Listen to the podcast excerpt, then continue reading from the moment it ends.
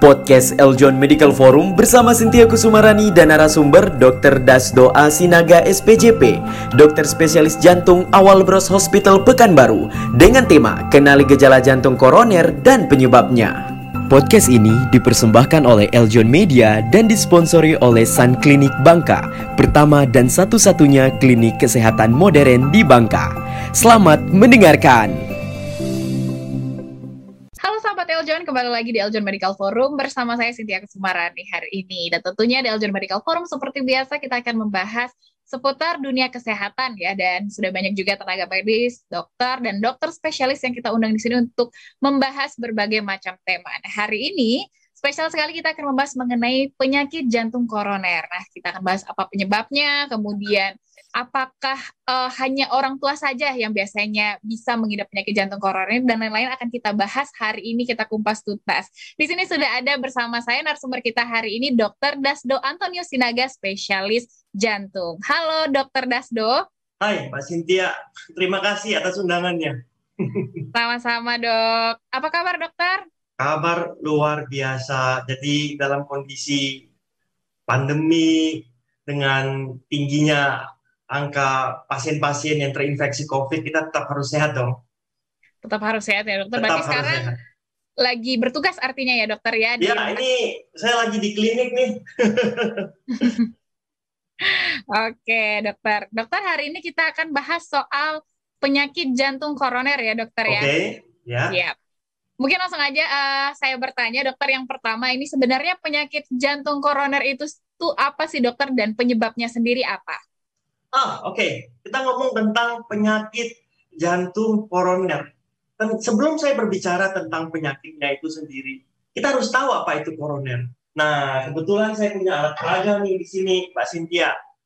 Seluruh yang melihat uh, acara kita pada saat ini ya, baik nanti di YouTube atau di mana pun dari media apa pun. Nah, ini adalah jantung. Ini adalah alat peraga jantung. Nah, ini jantung itu dia bekerja dengan cara berkontraksi atau memompa. Dalam satu menit, jantung harus memompa 60 sampai 100 kali. Kalau detaknya lebih dari 100, kita anggap sebagai orang yang sedang berdebar. Bahasa medisnya palpitasi atau takikardi. Tapi kalau detaknya kurang dari 60, berarti dia cenderung bradikardi atau detaknya kurang. Nah, nggak pernah berhenti, ya. Nggak pernah berhenti. Tugas dari jantung itu adalah memompa darah, oksigen ke seluruh tubuh, ke otak, ke ginjal.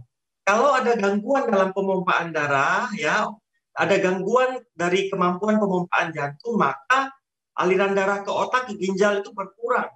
Oleh sebab itu tugasnya sangat vital. Nah, jantung itu memberi makan buat seluruh tubuh, tapi Mbak Cynthia, jantung itu juga butuh makan loh, ya. Dia butuh oksigen, dia butuh darah yang masuk ke dalam jantung itu sendiri. Nah, Jantung itu menerima aliran darah, menerima oksigen dari pembuluh darah. Nah, lihat ini di permukaan ya. Hmm. Kita bisa lihat di sini yang merah ini ya. Nah, ini namanya pembuluh darah koroner ya.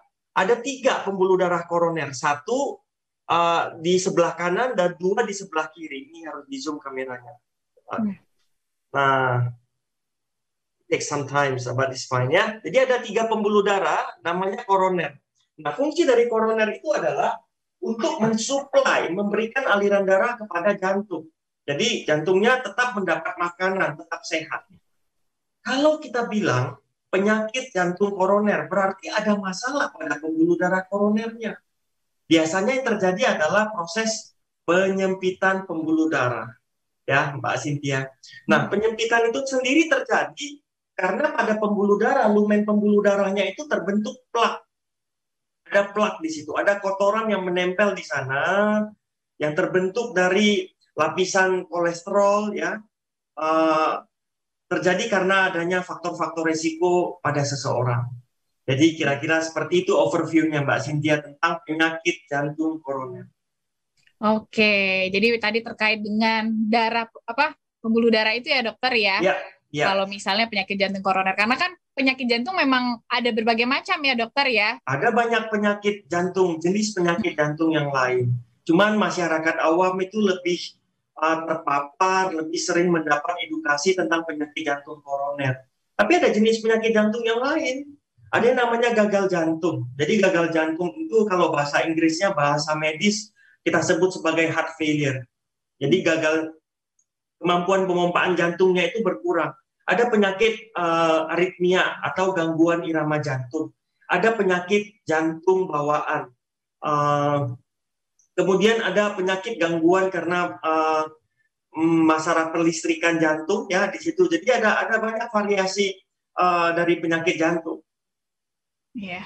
Oke, jadi banyak ya dokter ya, tapi memang yang sering terdengar dan mungkin sering dialami di Indonesia sendiri penyakit jantung koroner artinya ya dok? Sebenarnya bukan karena yang lebih sering dialami di Indonesia, tapi yang lebih sering terekspos. Misalnya ya. apa?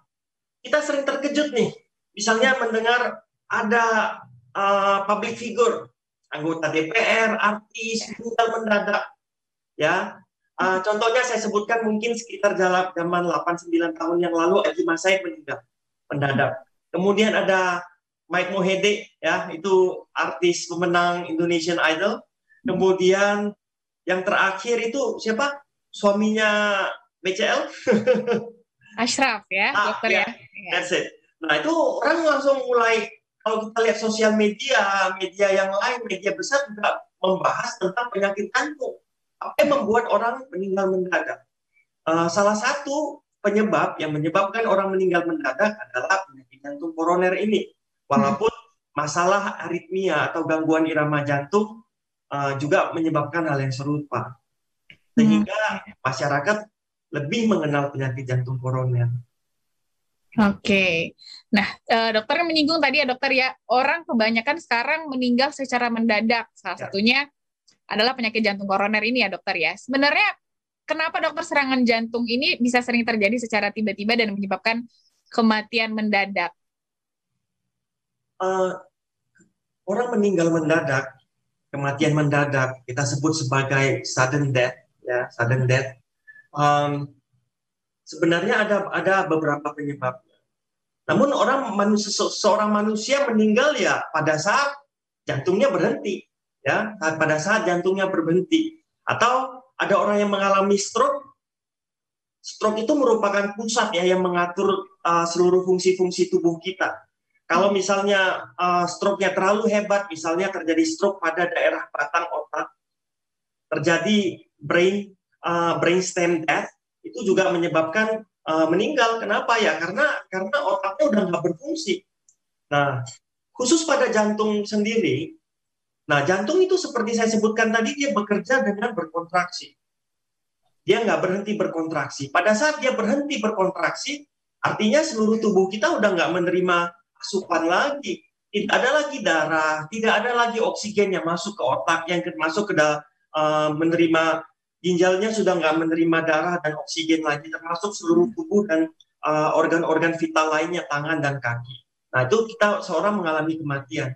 Nah jantung itu berhenti kenapa? Ya karena uh, karena tidak ada irama irama jantung yang berdetak lagi dan salah satu faktornya karena asupan atau oksigen yang masuk ke jantung itu berhenti.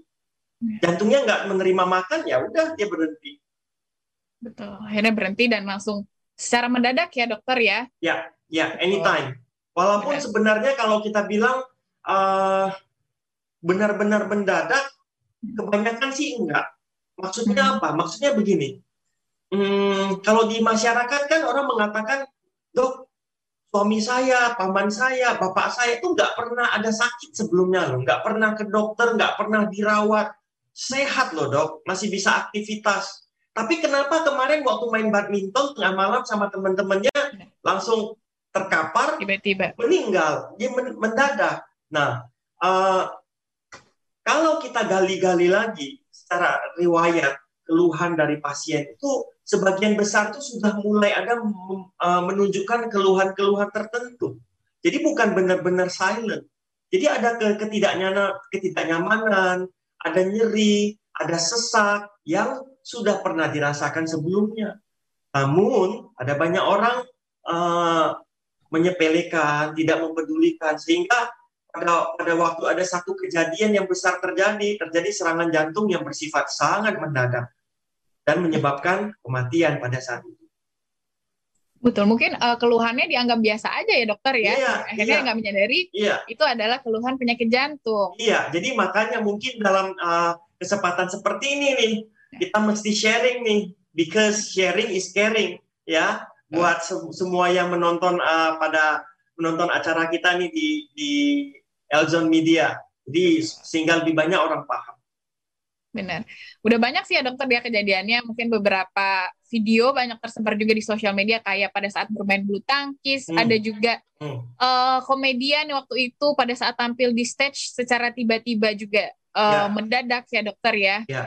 ya. Hmm, Oke. Okay. Jadi uh, itu yang yang itu public figure yang kita tahu. Tapi hmm. orang sekeliling kita juga kejadian-kejadian uh, itu nyata. Kejadian-kejadian itu memang ada Betul.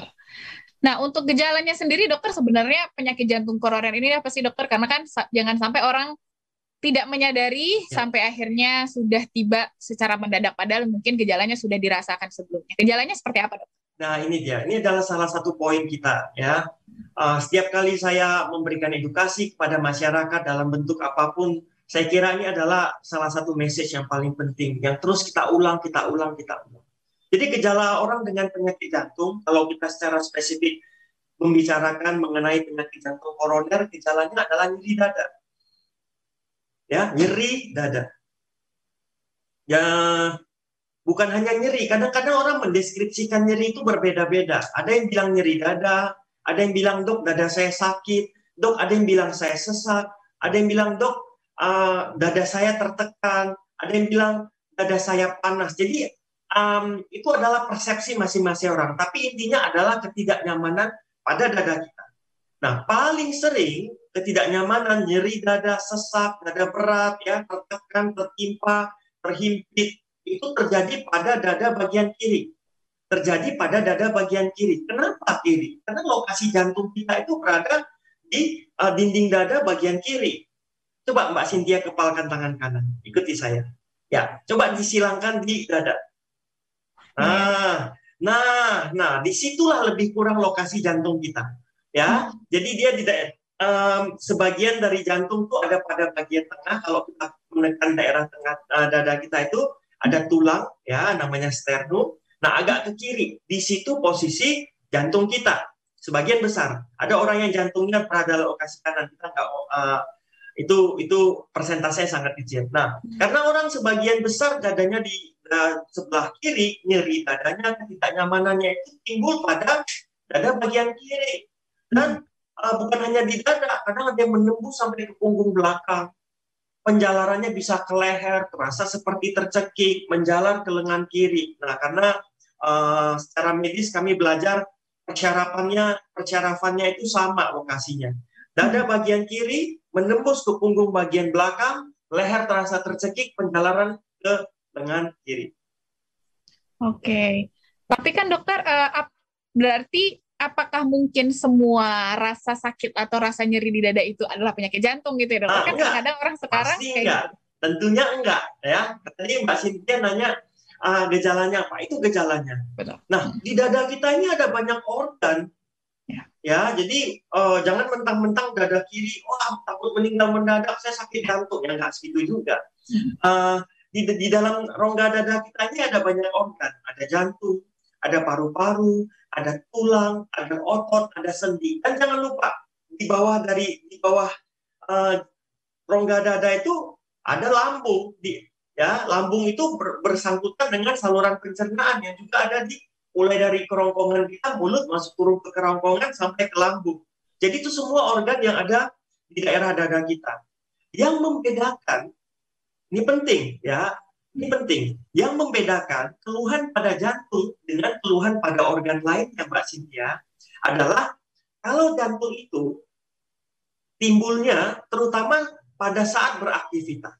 Kuncinya nyeri dada, sesak dada yang karena jantung itu timbul pada waktu beraktivitas. Kenapa pada waktu aktivitas? Karena waktu kita duduk ya jantung kita pun lebih santai. Tapi waktu kita bergerak, naik tangga, ngangkat sesuatu yang berat, ya tergopoh-gopoh, tergesa-gesa, jantung kita akan berdetak lebih kencang. Kalau Ahmad Dhani bilang seperti genderang mau perang. ya. Jadi kalau lagi kita diam mungkin detak jantung kita 60-70 kali. Ya. Tapi waktu kita berolahraga, waktu kita ber, melakukan aktivitas, jantung kita akan berdetak lebih cepat. Nah, konsekuensinya apa? Kebutuhan oksigen ya yang diperlukan oleh jantung itu tentunya lebih banyak.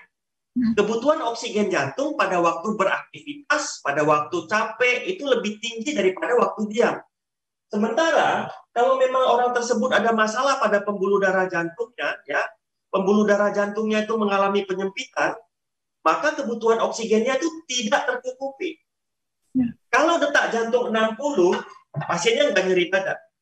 Karena kebutuhan oksigen di heart rate 60 itu kebutuhan oksigennya lebih rendah daripada kebutuhan oksigen pada saat jantung berdetak lebih cepat, heart rate-nya katakan 110. Nah, pada heart rate 90, 110 mulai nggak enak. Coba perhatikan posisi yang saya contohkan ini ya. Jadi ada kalau di di di buku-buku medical hmm. waktu kami belajar orang dengan nyeri dada seperti ini dengan kesakitan Nah, sebagai dokter atau mungkin teman-teman lain uh, yang yang uh, pengen belajar, pengen tahu, kita harus tahu ini kemungkinan besar harus hati-hati. Itu jangan-jangan ada keluhan pada jantung. Hmm. Jadi nyeri dada bagian kiri terutama timbul waktu beraktivitas. Hmm. Uh, lain nih, ada ini ya uh, anak gadis umur 22 tahun makan sering terlambat dibilang dada saya sakit ya. Tapi kalau saya jalan-jalan ke mall ah, nggak pernah sakit tapi kalau diam di rumah sakit dadanya jadi sakit ya dok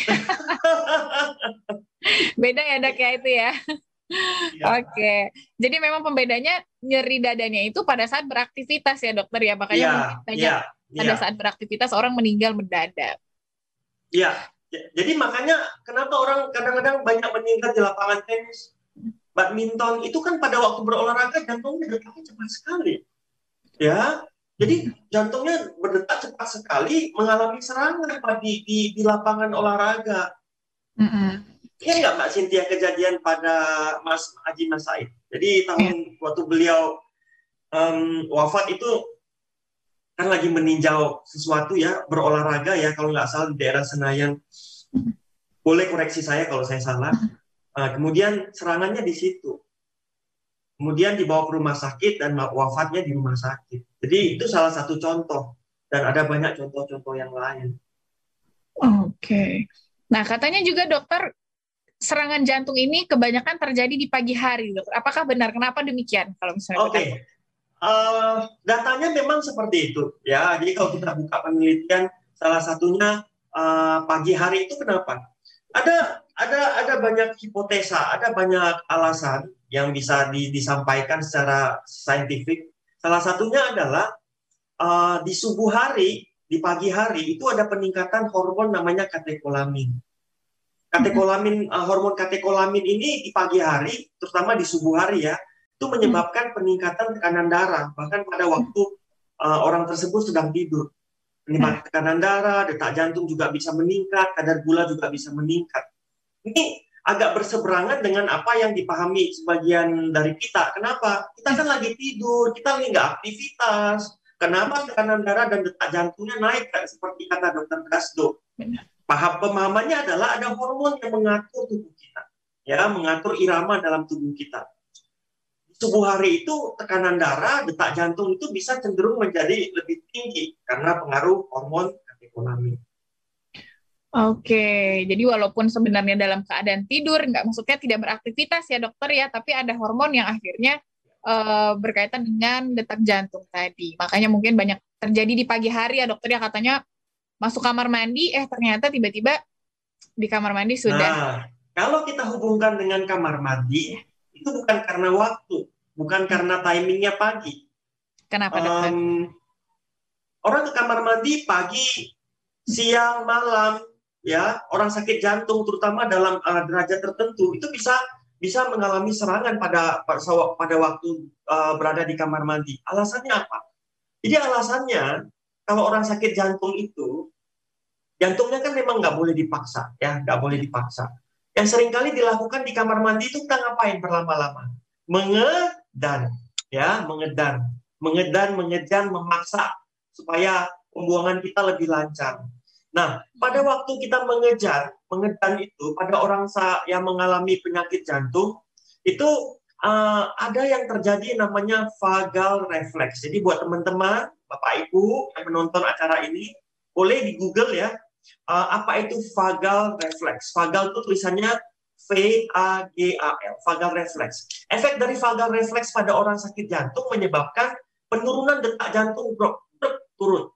Misalnya detak jantung 70, tiba-tiba drop jadi 30 40. Nah, hmm. bersamaan dengan tekanan darahnya uh, detak jantungnya turun, tensinya turun 30 40 uh, mm mercury.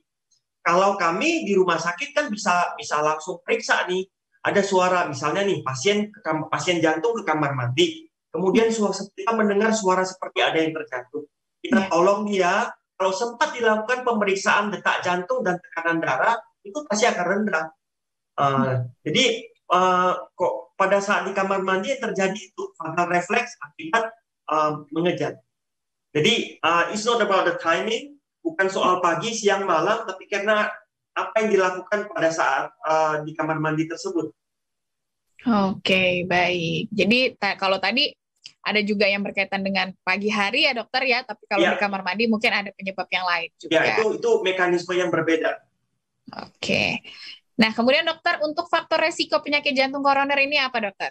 Ya, faktor resiko. Mbak Cynthia ini karena udah sering wawancarai dokter, jadi pakai istilah faktor resiko dia.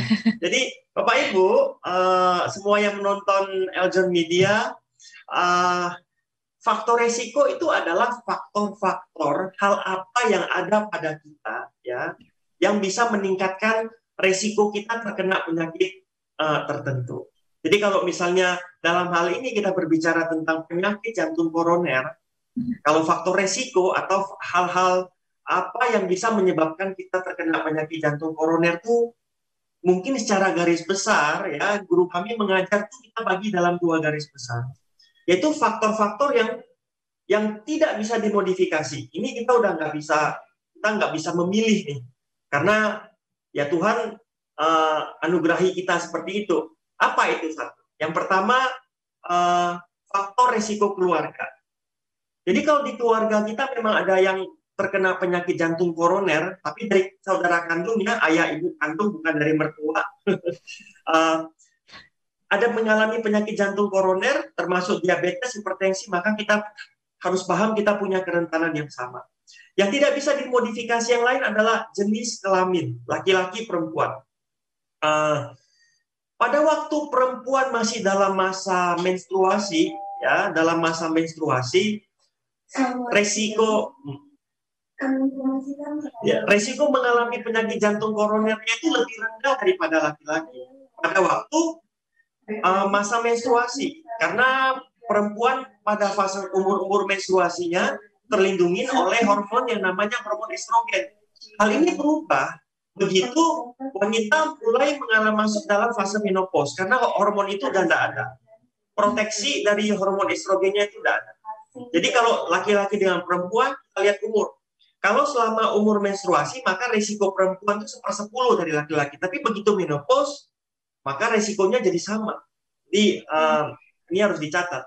Yang ketiga adalah umur. Kita nggak bisa kita nggak bisa modifikasi itu umur. Umur 65 ya 65, nggak bisa pura-pura jadi 40 walaupun udah di wajahnya dipermak, facelifting lah, apalah ya. Nah itu umurnya tetap 65. Itu tiga faktor yang kita nggak bisa atur. Tapi kita punya kewajiban menjaga kesehatan kita dengan uh, tentunya merawat kesehatan kita dengan cara menjaga faktor-faktor yang bisa kita modifikasi. Tekanan darah tinggi, diabetes mellitus, kebiasaan merokok, obesitas, yang tidak pernah berolahraga, ya itu itu kita bisa atur. Oke, jadi uh, tadi ya dokter ya ada berbagai macam faktor yang menyebabkan uh, penyakit jantung koroner. Nah tadi kan dokter uh, ada menyinggung usia ya dokter ya usia sudah lanjut itu punya apa risiko besar. Nah kalau usia muda sebenarnya gimana dokter? Apakah bisa juga uh, memiliki mengidap penyakit jantung koroner ini? Ya Mbak Cynthia ini punya punya hot question ya. Dia dia udah nyiapin pertanyaan-pertanyaan yang menarik ini. Dan ini juga adalah salah satu yang yang sering ditanyakin uh, ke kami uh, dalam berbagai kesempatan. Dulu orang tahunya penyakit jantung itu kenanya umur tua ya. Tapi ya. seiring dengan waktu ini ternyata kita bisa identifikasi orang-orang usia muda terkena penyakit jantung koroner juga. Umur 22 saya pernah ketemu loh. 29 saya pernah ketemu, 32 pernah ketemu, 37, 38, 39, 40 itu udah biasa. Kalau 40 ke atas ya udahlah ya. Itu jelas sudah ada. Nah, tetap secara nature, secara alamiahnya penyakit jantung koroner ini adalah penyakit degeneratif. Sangat berhubungan dengan umur. Tapi kalau kita mempunyai kebiasaan tidak sehat sejak awal, maka itu mempengaruhi kita juga, ya. Tubuh kita yang sesungguhnya dengan tubuh dengan umur kesehatan kita itu bisa berubah. Misalnya, mungkin hmm, miris sekali kalau kita tahu sekarang anak-anak SMP, SMA itu udah mulai uh, terbiasa untuk merokok. Kebiasaan merokok, ya satu. Uh, jadi kalau katakan kita ambil aja lah SMA kelas 1 udah mulai merokok. Jadi waktu umur 15 16 sudah merokok. Di umur 35 itu kan udah 20 tahun merokok. Itu udah cukup untuk um, menyebabkan kerusakan pada pembuluh darah jantung. Bisa sudah sudah cukup untuk membuat pembuluh darahnya mengalami penyempitan. So um, tergantung dengan, uh, sangat dipengaruhi oleh kebiasaan. Oke, baik. Oke. Dokter Dasdo, uh, kita nanti lanjut lagi di segmen yang kedua. Oke. Okay. Kita bahas lagi. Nah tadi itu dia sahabat Eljon yang menarik sekali kita membahas penyakit jantung koroner ini yang sering kita lihat terekspos ya. Tadi juga dokter Dasdo katakan bahwa ada beberapa artis yang banyak terekspos kan adalah penyakit jantung koroner. Nah tadi sudah kita bahas gejalanya, faktor resikonya juga. Apakah juga tadi usia muda bisa ternyata juga mengidap penyakit jantung koroner ini. Nah, nanti di segmen kedua akan kita lanjut lagi membahas. Jangan ke mana-mana, tetap di Eljon Medical Forum.